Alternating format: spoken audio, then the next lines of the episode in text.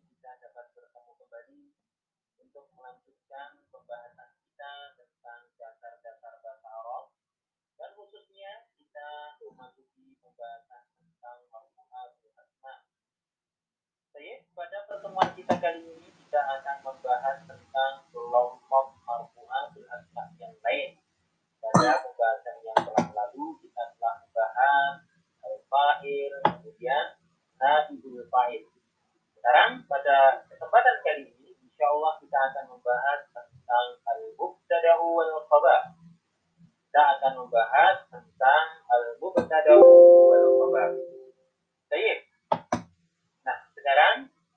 yang dimaksud dengan mubtada?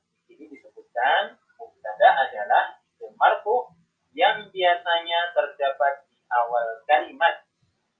Jadi, kalau dalam bahasa kita, kita sering mengenal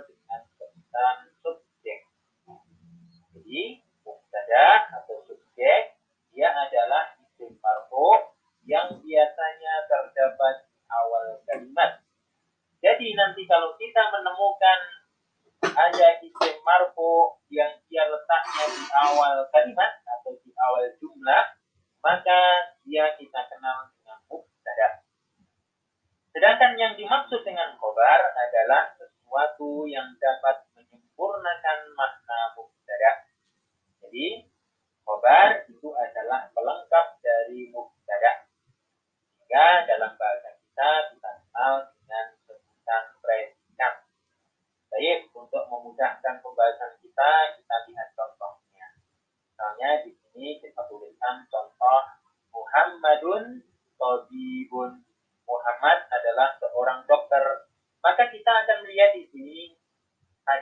isim marfu yang dia letaknya di awal jumlah atau di awal kalimat yaitu Muhammad. Muhammadun. Nah, karena dia letaknya di awal jumlah dan dia merupakan isim yang marfu, maka kita katakan Muhammad adalah sebagai mubtada. Baik, kemudian seandainya kita katakan Muhammad saja, tentunya dia tidak menjadi suatu kalimat yang sempurna biasa. Sehingga mungkin kita perlu sesuatu yang menyempurnakan maknanya. Maka kita katakan Tobibun adalah seorang dokter. Misalnya kita katakan Muhammad saja. Muhammad itu siapa? Maka kan tidak jelas. Maka kita perlu adanya penyempurna. Misalnya kita katakan Muhammadun Tabibun. Muhammad adalah seorang dokter. Maka kalimat ini menjadi sempurna. Sehingga pendengarnya dapat memahami tentang konteks kalimat ini. Baik.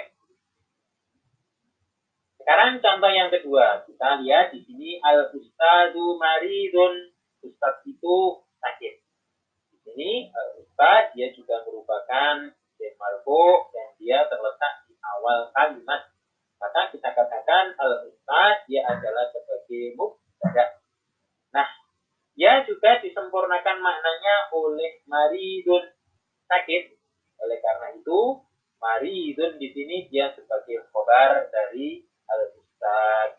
Ingat bahwasanya mubtada dan khobar dia masing-masingnya adalah berupa isim yang marfu ya keadaannya ropak ya nah perhatikan bahwasanya intinya susunan mubtada dan khobar adalah seperti dalam bahasa kita susunan subjek dan predikat baik kemudian kita akan membahas tentang ketentuan-ketentuan mubtada dan khobar jadi bahwasanya mubtada dan khobar keterkaitan antara mubtada dan khobar itu mempunyai hukum-hukum, mempunyai ketentuan-ketentuan yang harus dipenuhi supaya susunannya menjadi benar.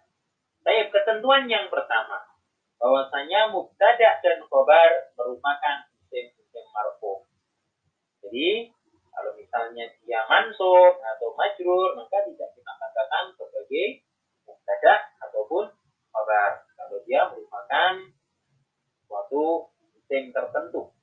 Saya misalnya kita sebutkan di sini al waladu nasyitun kita katakan ini al walad dia marfu. Demikian pula nasyidun dia juga marfu.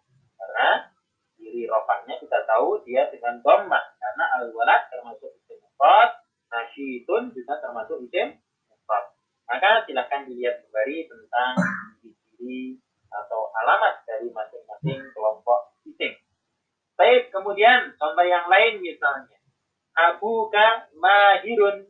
Di sini abuka, abu di sini marfu. Karena dia termasuk kelompok dari asmaul hamzah yang ciri rofaknya adalah dengan wawu. Nah, di sini abuka. Kalau nasabnya kan abada. Kemudian jarnya kan abika. Karena di sini dia posisinya sebagai mubtada, maka dia didirikan dengan wawu sehingga menjadi abu Abu kan mahirun. Ini mahirun dia adalah sebagai kabarnya yang dia juga marfu. Baik, yang lain supaya dapat dipahami. Al-qadi adilun. Hakim itu adil. Nah, di sini al-qadi dia adalah merupakan kelompok dari isim mankus. Ingat lagi bahwasanya ciri rofaknya kan dia domah bukan darah.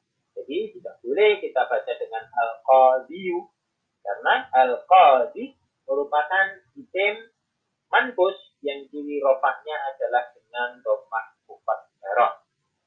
Yang adilun adalah merupakan khabarnya. Ya, merupakan isim mufrad, ciri rofaknya adalah dengan domah. Baik, itu ketentuan yang pertama. Sekarang ketentuan yang kedua bahwasanya mubtada dan khabar harus selalu sesuai dari sisi bilangannya atau sisi adatnya. Sehingga kalau misalnya muktadanya dia mufrad, khobarnya juga mufrad. Kalau misalnya muktadanya musanna, maka khobarnya juga harus musanna. Kalau misalnya muktadanya jamak, maka khobarnya juga harus diikutkan dalam bentuk jamak. Jadi, contohnya misalnya, al-muslimu hadirun kita lihat al muslimu dia bentuk mufrad. Maka khobarnya juga mufrad hadirun. Kemudian kalau kita jadikan bentuk musanna cara pembentukan musanna tentunya antum juga ada paham semua yaitu ditambah dengan alif dan nun atau ya dan nun.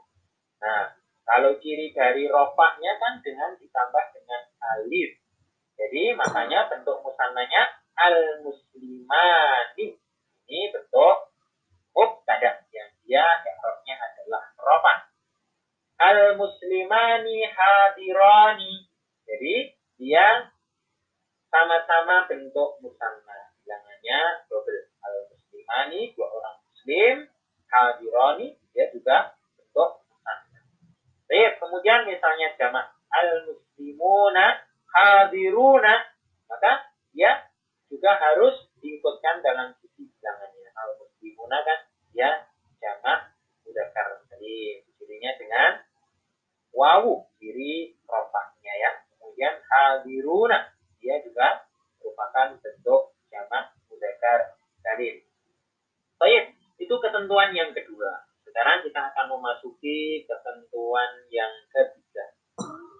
Jadi ketentuan yang ketiga ini perlu diperhatikan bahwasanya mubtada dan khobar harus harus selalu sesuai dari sisi jenisnya.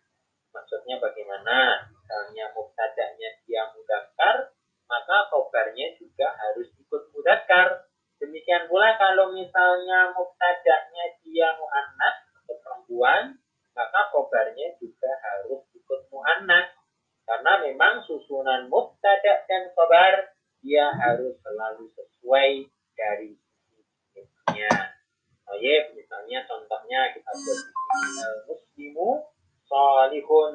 Kita tahu al muslimu ini bentuk mudakar, salihun juga bentuk mudakar. Kemudian kalau kita ingin contoh yang misalnya muslim, kalau kita ingin membuat muhannas, kita kan tinggal menambah dengan kasar itu ya. Kemudian jadilah al muslimatu maka al muslimatu salihatun ini untuk contoh bentuk muannas.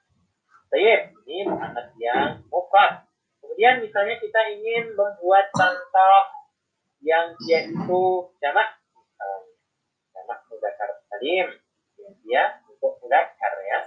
Contohnya misalnya al-mu'minuna mujtahiduna maka dia apa?